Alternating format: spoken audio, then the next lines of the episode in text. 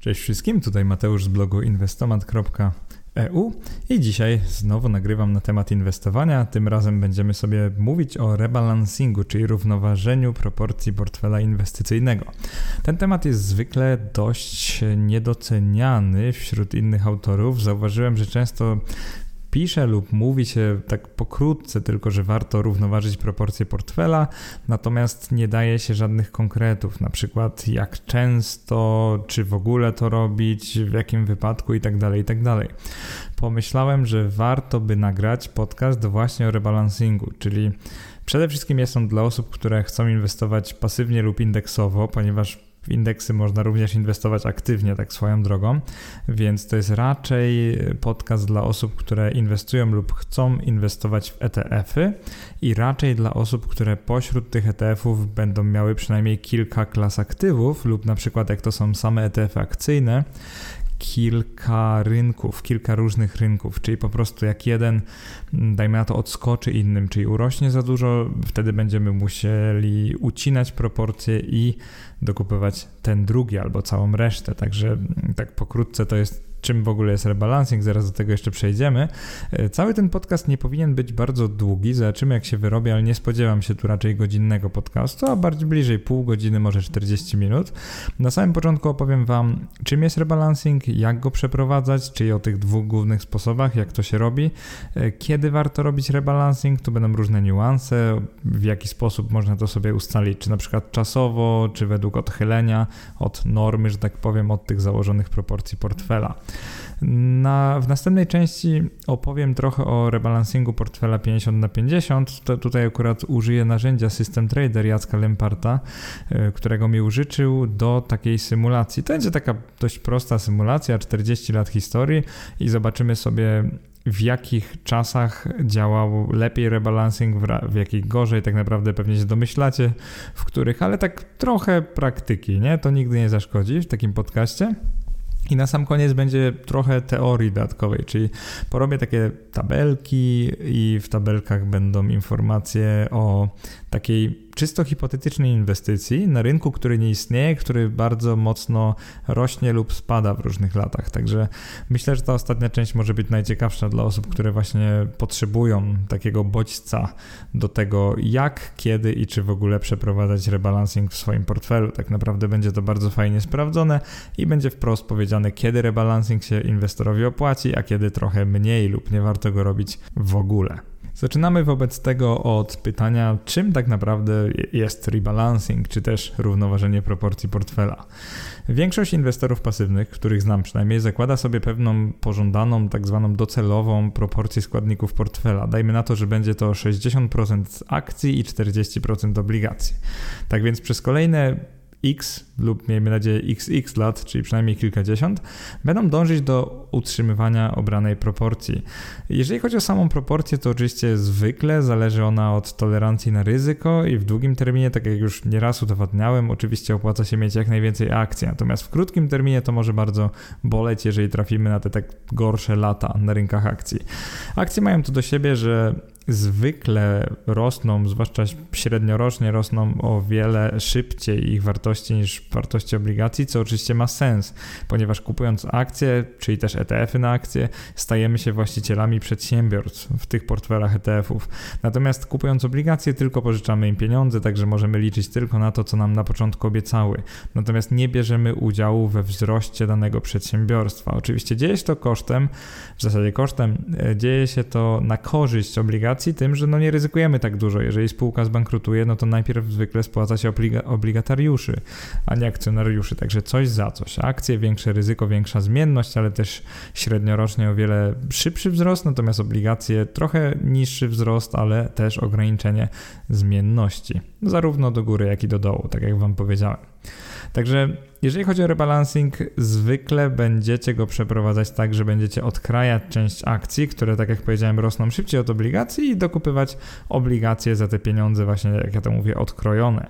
Więc rebalancing to jest po prostu, jeżeli macie portfel 60-40 na przykład, to po kilku miesiącach możecie się obudzić, że nagle macie portfel 70-30. Niezależnie od tego, jak dokonywaliście wpłat, po, powiedzmy, że zawsze wpłacaliście 60 na 40, 40, jeżeli akcje będą rosły odpowiednio szybko, to obudzicie się właśnie z takim portfelem 70 do 30. I wtedy oczywiście musicie zadać sobie pytanie, czy chcecie prowadzić taki portfel, czy może wolelibyście wrócić do pożądanych proporcji. Oczywiście tutaj eksperci jednogłośnie mówią, że warto jest wrócić do obranych proporcji, ponieważ z jakiegoś powodu je sobie obraliście. Więc skoro już wiemy, że warto ogólnie przeprowadzać rebalancing, jeszcze wrócimy do tego pytania, no to zapytajmy siebie, jak można przeprowadzać rebalancing, czyli te dwa sposoby.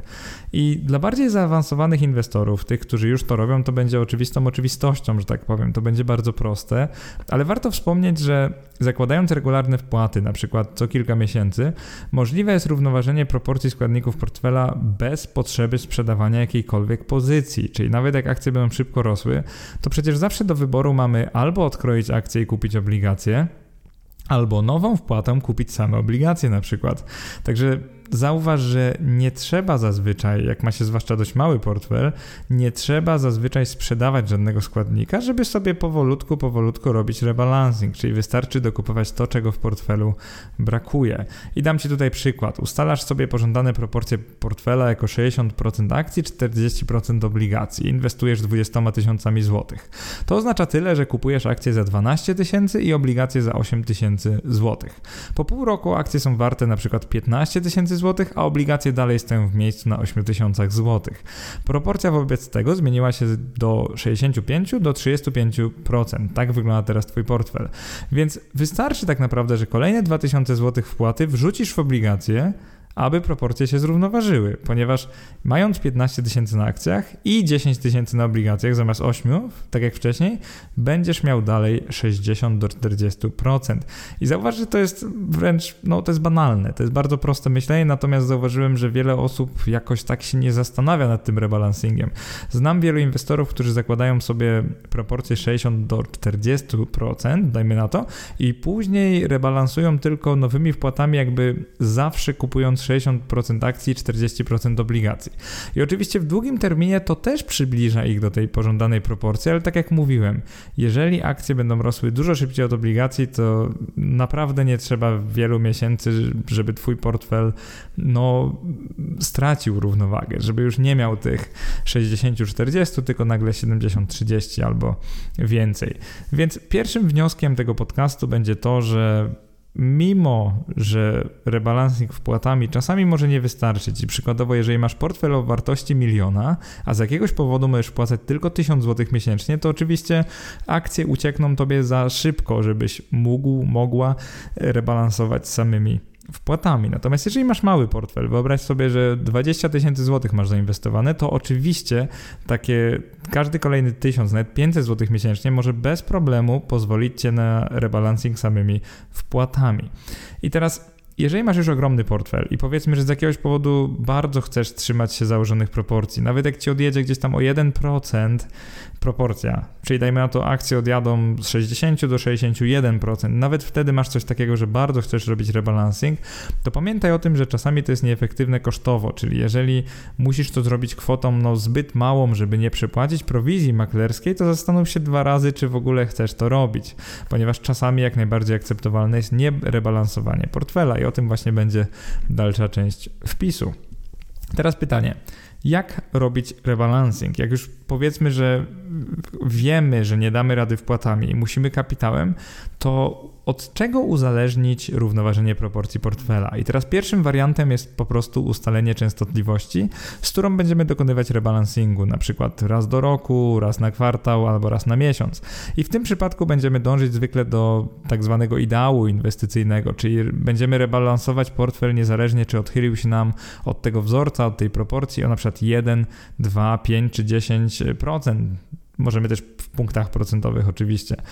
E, więc nie będziemy patrzeć na to, o ile się odchylił, będziemy po prostu ustalać sobie w kalendarzu, dobra, co kwartał na przykład, nie wiem, 20 dnia danego miesiąca będę sprawdzał proporcje portfela w moim arkuszu i sprawdzał, czy powinienem, powinnam zmienić proporcje nieco, także to jest pierwsza z opcji. Drugi wariant to jest ustalenie sobie procentowego odchylenia od normy, przy którym dokonamy rebalansingu i tutaj na przykład chodzi o to, że powiemy sobie, no dobra, nie jest tak ważne, jak szybko się odchyli, czyli nie muszę sprawdzać co miesiąc czy co kwartał. Natomiast jeżeli odchyli się o 10% dana proporcja, to oczywiście chciałbym zrobić rebalancing. Teraz 10%, zauważcie, to jest trochę ciężko czasami wyczuć, ale na przykład jeżeli zakładamy sobie 60% akcji, no to 10% odchylenie to jest 10% razy 60%, czyli 6 punktów procentowych. Jak nam w tom czy we w tom, że tak powiem, wzrośnie albo spadnie, to wtedy robimy rebalancing. Oczywiście, zanim do tego dojdzie, możemy robić rebalancing samymi wpłatami, natomiast może się okazać, że wpłaty już nie wystarczają i musimy zrobić równoważenie proporcji no, tym obecnym kapitałem, obecnie zainwestowanym kapitałem. I teraz w kolejnym rozdziale, w kolejnej części podcastu pokażę Ci, jak rebalancing proporcji takiego zrównoważonego portfela 50 na 50 wpłynąłby na długoterminową stopę zwrotu z inwestycji. Właśnie tak jak tutaj powiedziałem, użyjemy sobie danych e, z System Tradera i zrobimy trzy różne symulacje. To będą bardzo proste symulacje. Czyli tak, założenia są takie. Lata 1980 do 2019, czyli to jest 40 lat. I teraz będą trzy portfele. Każdy z nich będzie 50-50, 50 na 50% i to będzie S&P 500 oraz 30-letnie obligacje skarbowe Stanów Zjednoczonych. Także cały portfel prowadzony w dolarze amerykańskim, także tu nie mamy żadnych złotówek. I sprawdzimy sobie, jak poszło portfelowi, który nie miał rebalansingu, czyli jeżeli akcje rosły w długim terminie, to pozostawialiśmy to w akcjach. E, portfel, który miał rebalancing co roku oraz portfel, który miał rebalancing co miesiąc, czyli jakby robiliśmy idealny rebalancing, czyli zawsze do tej docelowej proporcji, natomiast tylko przy odchyleniu 10%, czyli tych 50% jakby nam uciekło o jakby 5 punktów procentowych, czyli do tych 55 lub 45, to wtedy zawsze wracaliśmy do 50 na 50. Także tak, w taki sposób tylko wtedy robiliśmy rebalancing. I symulacja przeprowadzona została dla kapitału 10 tysięcy dolarów na początek bez żadnych miesięcznych, rocznych dopłat, także obracamy tylko początkowym kapitałem. Prowizje transakcyjne przypominają te z banku, więc zrobiliśmy takie 0,29 plus 0,10% marży za przewalutowanie, ale minimalnie 19 dolarów. I teraz uprzedzam, że oczywiście ta prowizja banku dotyczy polskiego złotego, także gdyby to był dolar, to by nie było tej marży za przewalutowanie. Natomiast to, co zrobiłem, to skoro symulacja była w dolarze, to pozwoliłem sobie po prostu pożyczyć te prowizje, które byśmy płacili w banku, tak? Czyli ustaliłem wysokość prowizji tak, żeby pokazało tak realistycznie, jak to by było, gdybyśmy te 10 tysięcy dolarów 40 lat temu, oczywiście możecie myśleć o tym jako 10 tysiącach złotych, to nie ma różnicy jakiejś specjalnej, 40 lat temu zainwestowali w coś, co się poruszało jak S&P 500 oraz 30-letnie obligacje skarbowe rządu USA, właściwie Skarbu Państwa. Także tak jak mówię, 0,39% prowizji oraz minimalnie 19 dolarów w tym przypadku. Efekt symulacji jest bardzo ciekawy, ale takich najciekawszych obserwacji jest kilka.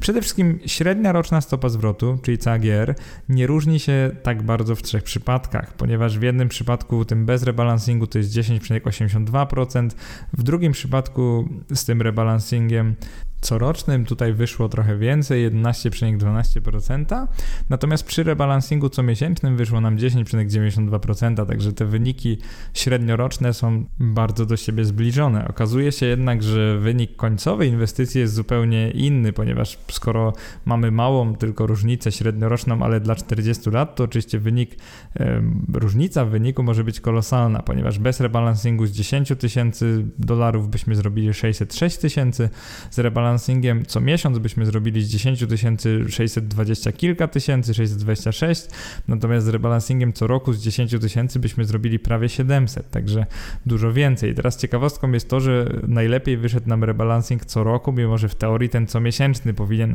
najbardziej dbać o proporcje portfela, natomiast ten coroczny miał trochę po prostu szczęścia i w pewnych momentach, kiedy warto było ryzykować, to on nie zmieniał proporcji akcji, obligacje, a w pewnych momentach, kiedy było bardzo źle, to on akurat y, zachował zachował pewną defensywną proporcję, także to też jest bardzo ciekawe, ale tak trochę przypadkowo udało się wygrać tem, temu z rebalancingiem corocznym.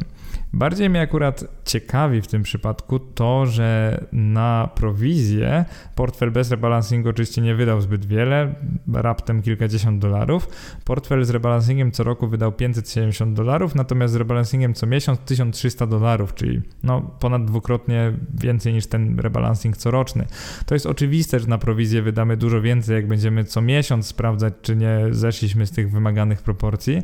Więc oczywiście, no też dochodzimy do takiego drugiego, ale oczywistego wniosku, że im częściej chcemy przeprowadzać rebalancing, tym droższy on będzie, co oczywiście też wpływa negatywnie na no, koszt prowadzenia naszego portfela, więc to jest dość oczywiste. Maksymalne obsunięcie tu też się okazało największe dla portfela bez rebalansingu, 24%. Oczywiście dlatego, że on czasami miał na przykład 70% akcji, tak? Bo nie ucinaliśmy proporcji akcyjnej i nie wpłacaliśmy tych pieniędzy na obligacje. Jeżeli chodzi o pozostałe portfele, to ten rebalancingiem co roku miał maksymalne obsunięcie 17%, także całkiem niskie bym powiedział. Ten z rebalancingiem co miesięcznym miał około 20%, także takie dokładnie pomiędzy. I tutaj zabawilibyśmy się w detektywów i zastanowili, dlaczego w zasadzie najlepiej poradził sobie tutaj portfel z rebalancingiem corocznym, czyli takim bardzo zachowawczym. Powiedziałbym, że niezbyt częstym. I ciekawą obserwacją może być to, że coroczny rebalancing przyniósł jednak o wiele lepszy wynik, natomiast nie była to kwestia jakiejś reguły. Także na pewno nie możemy sobie teraz wysnuć wniosku, że co, coroczny rebalancing będzie zawsze lepszy niż co miesięczny, ponieważ no, no nie ma takiej reguły. Natomiast była to bardziej kwestia przypadku, timingu kryzysów, bo tak naprawdę ciężko jest inaczej wyjaśnić, dlaczego osoba, która w sposób taki opieszały, e, trochę bym powiedział zlewczy wręcz, bo czasami pozwalała temu kapitałowi trochę uciec w obydwie strony, osiągnęła mimo lepszy wynik od osoby skrupulatnej, która rebalancing przeprowadzała co miesiąc.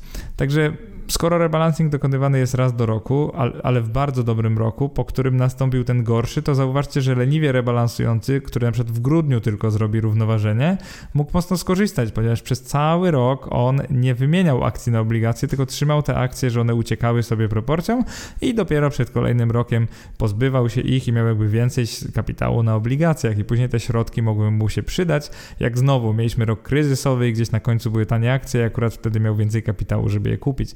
Także paradoks rocznego rebalansingu jest taki, że czasami on się opłaci bardziej niż ten miesięczny. I teraz bardzo dobrze to widać w całej symulacji. Jakbyśmy sobie zaczęli krzywą zmian kapitału, czyli po prostu wzrost wartości portfela, o którym mówiłem, z tych 10 tysięcy dolarów do prawie właśnie tak jak też mówiłem 600 albo prawie 700 właściwie w tym przypadku rebalansingu corocznego, więc tak naprawdę warto się zastanowić, co się stało w tym wszystkim.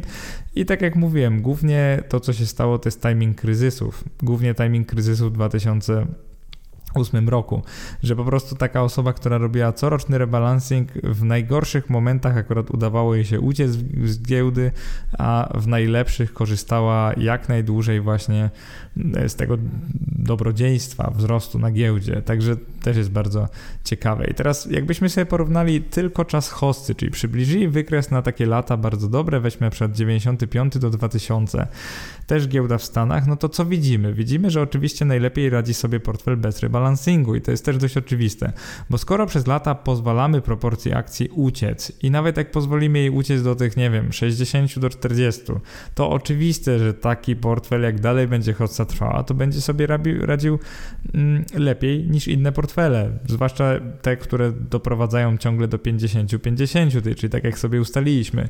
Więc pewnie wiele z Was miało już takie no zastanawialiście się, bo założę się, że prowadzicie portfele już od, nie wiem, jakiegoś czasu. Pewnie nie, nie zaczynacie dopiero teraz, ale już to robicie, więc założę się, że proporcje waszych portfeli się czasami, tak kolokwialnie mówiąc, rozjeżdżają. Mi się to zdarza ciągle. I oczywiste to jest, że jak mamy pełną hossę i z tych 50 na 50 zrobi wam się 60-40, to oczywiste, że wasz portfel jest bardziej ofensywny, no i mniej będzie, mm, jakby to powiedzieć, no, tracił, będzie bardziej zyskiwał na tej hossie. Natomiast jakby no, ten wniosek naprawdę nie jest odkrywczy. Natomiast jak przyjrzymy się okresowi Bessy, czyli w którym to jest taki okres, w którym inwestor nierównoważący no, pożałowałby trochę, że zapomniał o rebalansingu, ponieważ co z tego, że na przykład wchodząc w rok 2001 prawie, czyli jak mieliśmy rok 2000, e, ten słynny kryzys e, po bańce internetowej, e, przebicie, przekucie bańki internetowej w USA, no to wyglądałoby to tak mniej więcej, że gdzieś we wrześniu roku 2000 inwestor nierównoważący proporcji miałby prawie 185 tysięcy dolarów. Natomiast inwestorzy, którzy równoważyli, mieliby około 170, czyli zauważcie 15 tysięcy różnicy, naprawdę duża różnica przy takim portfelu. Więc e, no, opłacało się w takim bardzo agresywnym okresie na giełdach mieć te no, więcej akcji. W jego przypadku było to prawie 60 na 40. No i teraz co się stało? Jak tylko ta bańka pękła, to z tych 100, 185, przypominam, e, tysięcy wartość portfela nierebalansowanego spadła do poniżej 140 w pewnym momencie. Także zauważcie, o 45 tysięcy dolarów w dół. Mimo, że mieliśmy 50% obligacji, także to jest dość niesamowite. Natomiast wartość tych portfeli rebalansowanych, mimo że one się zaczęła, ona się zaczęła od 170, dużo mniej, ona się skończyła na 150 kilku. Także no co z tego, że dużo lepiej radzimy sobie w chodźcie, jak o wiele lepiej radzimy sobie w beście, jednak e, rebalansując. Także no tutaj też Ameryki może nie odkrywam, ale właśnie rebalancing robi się głównie po to, ro, robi się głównie na złe czasy na giełdzie, natomiast nie na dobre. Tak jak mówię, Ameryki na pewno tu nie odkrywam, ale warto się nad tym zastanowić w swoim inwestowaniu. Także kolejnym ważnym niezwykle wnioskiem z tego podcastu będzie to, że ok, kryzysy zdarzają się niezwykle rzadko, zwykle co takie wysokie kilka lub kilkanaście lat. I problem z kryzysami jest taki, że jak już się zdarzą, to często są bardzo dynamiczne i bardzo głębokie, czyli minus 50, 60, 70% to się zdarzało. Natomiast hossa trwa przez większość czasu, więc jeżeli rebalansujemy, zwłaszcza bardzo skrupulatnie, przed co miesiąc i niezależnie od odchylenia, to oczywiście będziemy jakby ograniczać swój potencjał do wzrostów, czyli działać trochę tak hmm, z jednej strony intuicyjnie, z drugiej strony no, przeciwko temu zyskowi, więc jakby nie będziemy czerpać pełnymi garściami z tych zysku, który wypracowują spółki giełdowe, ale z drugiej strony będziemy trzymać się planu. Dlatego roczny rebalansing jest takim trochę, nawet mentalnie, jest takim kompromisem pomiędzy pozwalaniem sobie, żeby uciec trochę tym proporcjom, ale jednak rok do roku trzymać je, żeby jak zdarzy się kryzys, to jednak mieć dużo więcej obligacji niż inwestor taki zupełnie lekceważący równoważenie proporcji. Więc dochodzimy do sedna, czyli do pytania, czy warto równoważyć proporcje portfela inwestycyjnego, ponieważ tak nazywa się ten podcast. I poprzedni rozdział to była symulacja prawdziwych historycznych danych rynkowych, natomiast ten będzie dotyczył bardziej teorii, więc stworzę taki nieistniejący indeks giełdowy, który porusza się w sposób bardzo dynamiczny, powiedziałbym emocjonalny nawet. I właśnie mam na myśli no, emocjonalny. Po prostu raz mamy bardzo dużo do góry, innego razu bardzo dużo do dołu, zwykle przez kilka lat. Tak Także będziemy mieli takie okresy, które powodują prawdziwy uszczerbek na portfelu, który ma wysoki odsetek akcji, ale też takie okresy, które są dość, powiedziałbym, może niełagodne, bo one szybko rosną, szybko te wartość akcji rośnie, natomiast y, chodzi o tą dynamikę, że będzie tak emocjonalnie, będzie tak trochę bujało. I jeżeli chodzi o moją prywatną opinię na temat rebalansingu, to jestem dość dogmatyczny, a więc uważam, że mimo wszystko warto robić go zawsze, gdy odchylenie składowej portfela przekroczy na przykład 10%. Także jeżeli chcę mieć 50 na 50 i z tego zrobi się na przykład akcji 45 lub 55%, no to już bym chciał uzupełnić akcje albo sprzedać akcje i kupić obligacje. Więc takie podejście oszczędza trochę mój czas, bo to się dzieje zwykle co kilka miesięcy. Rebalancing robię w praktyce, tak jak powiedziałem, no raz, dwa razy do roku, jeżeli w ogóle e, wpłatami staram się jak najbardziej rebalansować, więc oczywiście mimo wszystko da się to robić. I teraz, jeżeli masz portfel o wielkości np. miliona złotych i udaje ci się zaoszczędzić jakieś 10 tysięcy, no to jest duża szansa, że będziesz w stanie dokonywać rebalansingu tylko wpłatami, także naprawdę polecam takie podejście. Jeżeli trochę mniej na przykład oszczędzasz albo masz jeszcze większy portfel, to nie dasz rady samym, e, samymi wpłatami, więc wpłaty tobie będą pomagać, natomiast co jakiś czas możesz sobie ustawić taki trigger, na przykład gdy proporcje jakoś o 10% wykroczą, to oczywiście robisz rebalancing. Ale wróćmy do całej symulacji. E, tym razem jest zupełnie na papierze. Indeks giełdowy jest wirtualny, on nie istnieje. On na przykład raz rośnie 40%, a innym razem traci 30% przez na przykład 12 miesięcy. Jest to bardzo zmienny indeks giełdowy. E, inwestor w roku 0, tym takim początkowym, jednorazowo inwestuje 50 tysięcy złotych, no i pozostałe 50 tysięcy lokuje w indeks światowych obligacji, także akcje, obligacje które w omawianym okresie przynosiły stopy zwrotu i teraz co do akcji, to tak jak mówiłem, czasami jest minus 30%, czasami nawet plus 40%. Jeżeli chodzi o obligacje, tu mamy już tak e, stonowane mocno, czyli taki 1%, 2%, czasami do 6%. Także zakładamy, że to są takie ruchy w miarę naturalne. I pierwsza symulacja dotyczy okresu bardzo złych lat dla akcji, czyli średnia stopa zwrotu dla akcji, czyli CAGR 10-letnia będzie tylko 1,7%, czyli bardzo mało. Historycznie było mało takich okresów ogólnie w jakimkolwiek yy, kraju, na jakiejkolwiek giełdzie. Natomiast do obligacji będzie wynosić 3,15% ta średnia yy, roczna stopa zwrotu. I teraz taka inwestycja dla inwestora, który, tak jak powiedziałem, zainwestowałby 100 tysięcy złotych, ale bez rebalansingu, skończyłaby się na 127 tysiącach złotych. Ale tak jak powiedziałem na obronę inwestora, bo to jest oczywiste, że to nie jest dobra stopa zwrotu dziesięcioletnia. Ze 100 tysięcy złotych zrobić 127,5 około przez 10 lat to jest y, fatalna stopa zwrotu. Tak naprawdę historycznie w co by inwestor nie inwestował w prawdziwym świecie, to no naprawdę trzeba mieć pecha, żeby tak źle inwestować. To nie jest dobra stopa zwrotu, jak na to ryzyko, że jednak 50% mieliśmy w akcjach. I teraz wróćmy do tematu. Skoro nie było rebalansingu, to oczywiście rzadko kiedy mieliśmy 50% w akcjach.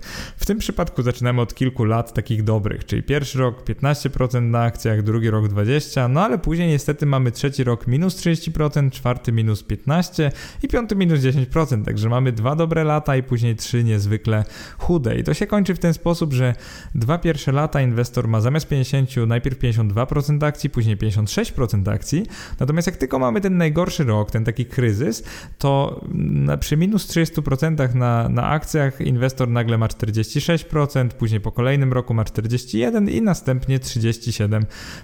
I w tym momencie bym się na chwilę zatrzymał, bo znajdujemy się w takiej ciekawej sytuacji, w której portfel nierebalansowany stał się tak naprawdę bezpieczniejszy od tego z rebalansingiem, w tym sensie, że zauważcie, że mamy teraz 36,9, czy tak naprawdę 37 tysięcy złotych w akcjach, a 62,5 tysiąca w obligacjach, czyli o wiele więcej. Proporcja nagle się zrobiła 37,63. Problem jest tylko taki, że jesteśmy jakby w dołku kryzysu, a kolejne dwa lata będą bardzo dobre. Oczywiście inwestor tego nie wiedział, natomiast my to wiemy, ponieważ jednego roku akcje zdrożały o 35%, a drugiego o 40%, także niesamowite do, niesamowicie dobre lata. I efekt jest taki, to jest naprawdę trochę kuriozalne, że ten portfel nierebalansowany po tych spadkach zrobił się bezpieczniejszy niż ten z rebalansingiem, ponieważ po tym piątym roku, czyli przypominam, było minus 30%, minus 15% i minus 10, 3 lata pod rząd, to tak, ten portfel nierebalansowany 37% akcji, natomiast portfel rebalansowany oczywiście 50 na 50. Czyli to się skończyło dla inwestora tak, że po rebalansingu miał po 49 tysięcy, jeżeli byśmy robili coroczny idealny rebalansing na obydwu tych częściach portfela, natomiast w przypadku nierebalansowanego miałby tylko 37 tysięcy na akcjach i to by oczywiście było bardzo dobre. I teraz znowu mamy ciekawy bardzo wniosek, bo dzięki rebalansingowi w kryzysie, czyli dzięki temu, że inwestor facto więcej ryzykował, ponieważ jak spadało, to on kupował akcje, to teraz one się oczywiście szybciej odbiją, także po tym roku 35 i 40% wzrost portfela tego inwestora, który robił rebalancing jest tak naprawdę, dynamika jest mniejsza, natomiast on miał więcej początkowo na akcjach, to jest taki efekt bazy. Świetnie to widać we wpisie, które oczywiście podlinkowałem w podcaście, więc jeżeli niestety z tej treści tego do końca nie rozumiesz, to zerknij sobie do wpisu, bo jest to naprawdę bardzo otwierające oczy. I teraz jeżeli zakładamy kolejne lata jako dobre dla akcji, w tym przypadku akurat są takie sobie, ponieważ później mamy plus 5%, minus 5%, minus 15%, no to bez rebalansingu poszło nam, no znowu, akcje za szybko tanieją, e, obligacje trzymają się tak naprawdę tak jak były, tak jakbyśmy mieli osobny portfel obligacji i one już tam sobie żyją własnym życiem, e, rosnąc powoli, natomiast ten z rebalansingiem zawsze odpowiednio miarował to ryzyko i skończyło się na tym, że z rebalansingiem wygrał o no 7 tysięcy złotych przez te 10 lat. Także zamiast 127 tysięcy skończył na 134, właściwie prawie 135. Także wynik miał dużo lepszy, ale dlatego, że rynki były bardzo kapryśne i tak naprawdę lat na minusie było bardzo dużo. Więc wnioski są takie, że w latach właśnie takich dziwacznych, kapryśnych, średnio niedobrych dla rynków akcji oczywiście opłaca się rebalansować i wystarczy oczywiście raz do roku. Jest to dużo lepsze niż nierebalansowanie portfela w ogóle, czyli nierównoważenie proporcji. Teraz odwróćmy trochę sytuację sytuację. Zróbmy tak, że te najgorsze lata, tam było minus 30%, przypomnę tobie, czyli trzeci rok, teraz odwracamy, czyli robimy, że mamy plus 30%.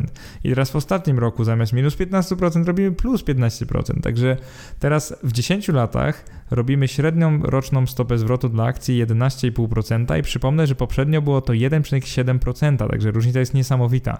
To są lata bardzo dobre dla akcji, trochę tak jak ostatnie lata dla rynku na przykład w USA. I działa to w ten sposób, że teraz oczywistym jest, że chcemy mieć zawsze jak najwięcej pieniędzy na akcjach, ponieważ ryzyko tych lat akurat było dość małe, natomiast stopa zwrotu kosmicznie wysoka. Jeżeli ktoś inwestując na ślepo w cały indeks miał 11,5% średnio w ciągu roku, no to taki indeks no chcemy mieć tam jak najwięcej środków. Teraz co się stało w ciągu 10 lat? Zakładamy prawie same lata na plusie i portfel tego inwestora, który nie rebalansował, zaczął od 50 na 50, to było dokładnie 100 tysięcy złotych, a więc 50 tysięcy tutaj, 50 tutaj, ale rozjeżdżał się bardzo szybko. I teraz w 10 roku mieliśmy do czynienia z takim portfelem, który już miał 150 tysięcy złotych w akcjach, a tylko 68 w obligacjach, czyli tak jak mówię, ten portfel obligacyjny żyje sobie własnym życiem, czyli jest uzależniony tylko od tego, jak rosną obligacje, natomiast portfel akcyjny analogicznie, czyli jeżeli akcje mają dobre lata, to on super tam rośnie, wręcz puchnie.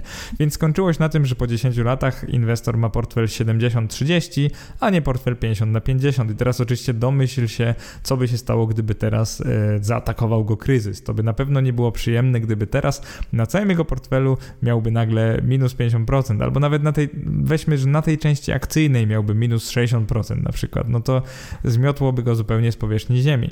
Natomiast całościowo wygląda to bardzo dobrze, ponieważ inwestor ma tu mm, duży zysk. Ze 100 tysięcy zrobił 217 tysięcy, także to jest bardzo fajna stopa zwrotu jak na 10 lat.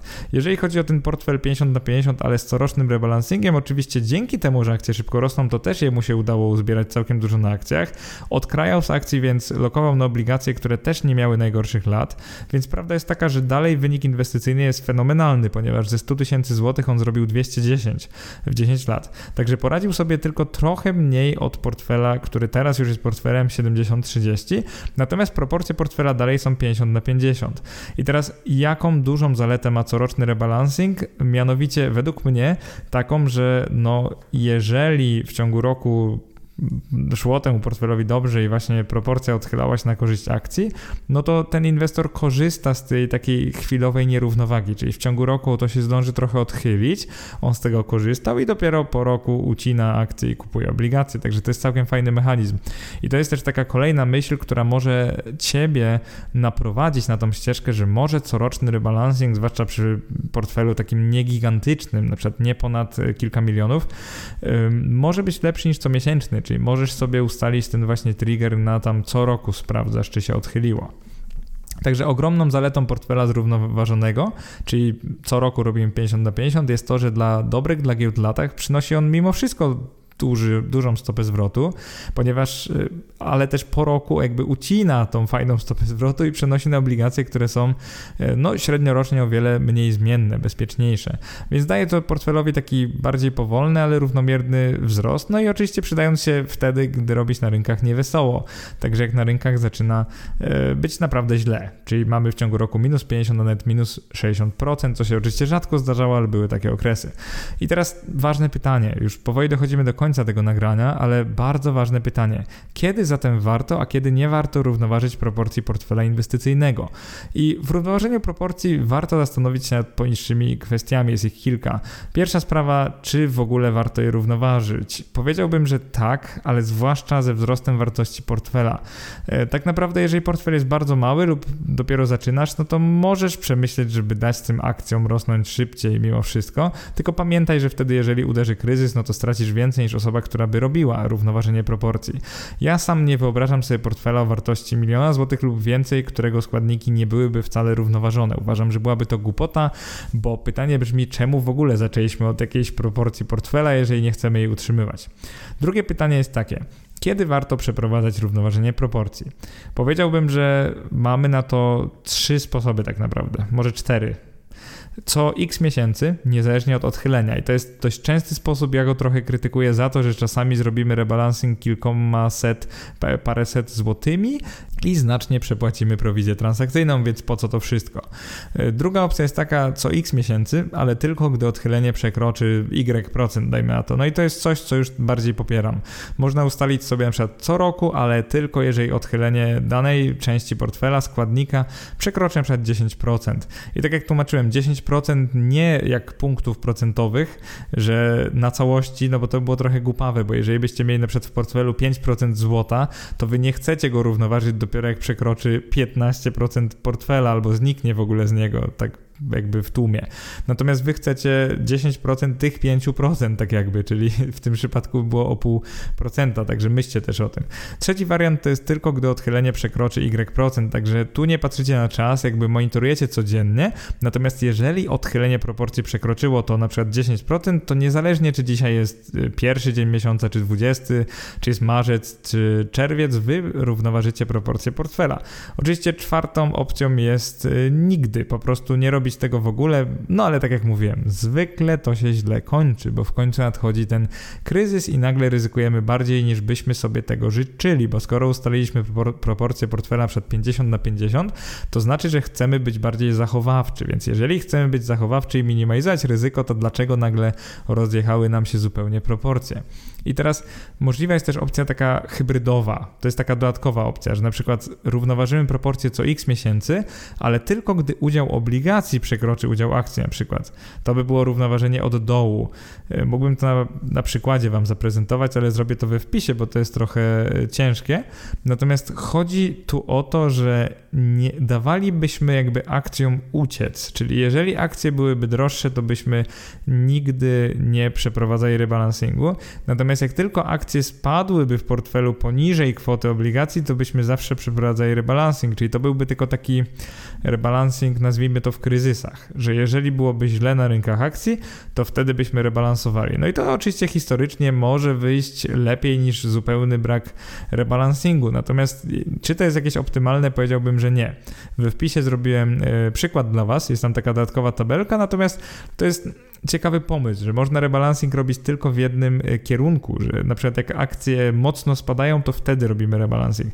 Oczywiście można pomyśleć o robieniu rebalancingu zupełnie odwrotnie, czyli tylko wtedy, kiedy akcje rosną, natomiast w kryzysach na przykład tego nie robić. To, to też by było dość e, ciekawe. Można by takie symulacje porobić, ale to tylko dla inspiracji. E, kolejny sposób na rebalancing, to jest w ogóle ciekawe, to jest taki bardziej aktywny rebalancing, czyli moglibyśmy równoważyć proporcje portfela, ale na przykład uzależniając je od wskaźników fundamentalnych e, rynków czy spółek, czyli niezależnie czy to będzie cena do zysku, czy CAPE, czy tam CAPE, cena do wartości księgowej, dividend yield, czy jakikolwiek inny wskaźnik, to moglibyśmy dla indeksu go sprawdzać, na przykład założyć, że przy wartościach defensywnych równoważymy proporcje tylko od dołu, czyli wtedy, gdy akcji jakby w portfelu jest mniej od obligacji. Natomiast przy przesłankach ofensywnych, czyli gdy rynki są drogie, moglibyśmy równoważyć proporcje również od góry. E, to by znaczyło mniej więcej tyle, że dajemy szansę portfelowi na większe odbicie, gdy rynki wydają się tanie, żebyśmy po prostu pozwalali mu, żeby przekraczał te proporcje, natomiast gdy rynki by się zrobiły drogie, moglibyśmy wtedy ciachać te akcje i dopłacać do obligacji. Także to też jest bardzo ciekawa myśl. Tak naprawdę można by napisać o tym setki wpisów i nagrać setki podcastów, bo to jest bardzo ciekawy temat, ale zauważ, że sam temat równoważenia jest e, no trudny. To nie jest tak, że możecie robić go tylko do dokładnych proporcji, tylko możecie zrobić wręcz takie kryteria programistyczne, czyli takiego ifa sobie napisać, czy while'a i po prostu dokonywać rebalansingu tylko jak rynki jakieś konkretne będą, czy właśnie tanie, czy drogie, lub go nie wykonywać jak e, coś się zmieni. Także moglibyście tak aktywnie przełączać proporcje portfela w pewnym sensie, lub wręcz aktywnie ich nie przełączać, bo zauważcie, że można aktywnie zdecydować, żeby rebalansingu nie robić. E, jakie są wnioski na koniec tego nagrania? Przede wszystkim równoważenie raz w miesiącu przeprowadzałbym tylko przy bardzo dużych portfelach, na przykład powyżej 10 milionów złotych i jedynie kiedy na rynkach akcji jest drogo, także bym uważał tylko jak już kwoty zainwestowane byłyby bardzo duże, wręcz gigantyczne i wtedy bym rebalansował, żeby po prostu zmniejszyć jego ryzyko i żeby nie przepłacać prowizji, jak tylko jest właśnie on wielki. Jeżeli portfel inwestycyjny jest trochę mniejszy, to jednak bym trzymał się co kwartalnego albo nawet corocznego rebalansingu, I możesz też przemyśleć, żeby obrać różne poziomy odchylenia dla spadków i wzrostów, czyli jakby odchylenie, żeby było na przykład większe dla wzrostów niż dla spadków. To też jest bardzo ciekawe. E, można o tym pomyśleć. E, myślę, że możemy pod wpisem mieć jakąś fajną dyskusję na ten temat, jeżeli oczywiście odwiedzisz mój e, blog. Pamiętaj o tym, że nie opłaca się czasami robić rebalansingu, kiedy masz przepłacić prowizję transakcyjną, bo na przykład jeżeli chcesz rebalansować kwotą 100 zł, odcinać od akcji na obligacje albo odwrotnie, to pamiętaj, że na przykład w, e, jeżeli to jest ETF zagraniczny, to w banku zapłacisz na przykład 19 zł, co jest no, horrendalną prowizją jak na to, więc po prostu nie warto jest czasami rebalansować i właśnie to powinien być chyba najważniejszy, jeden z najważniejszych wniosków z tego nagrania. Myślę, że doszliśmy do końca, także sennem było uzmysłowienie Ci, że podobnie jak sam kształt portfela, na sposób robienia e, rebalansingu także warto mieć określony plan, którego będziesz się trzymać, lub oczywiście nie. Najlepiej się trzymać. Także myślę, że macie już jakieś podstawy, żeby ten plan sobie dla siebie ulepić. Bardzo Wam dziękuję za dzisiaj, za przesłuchanie tego i do następnego podcastu. Cześć.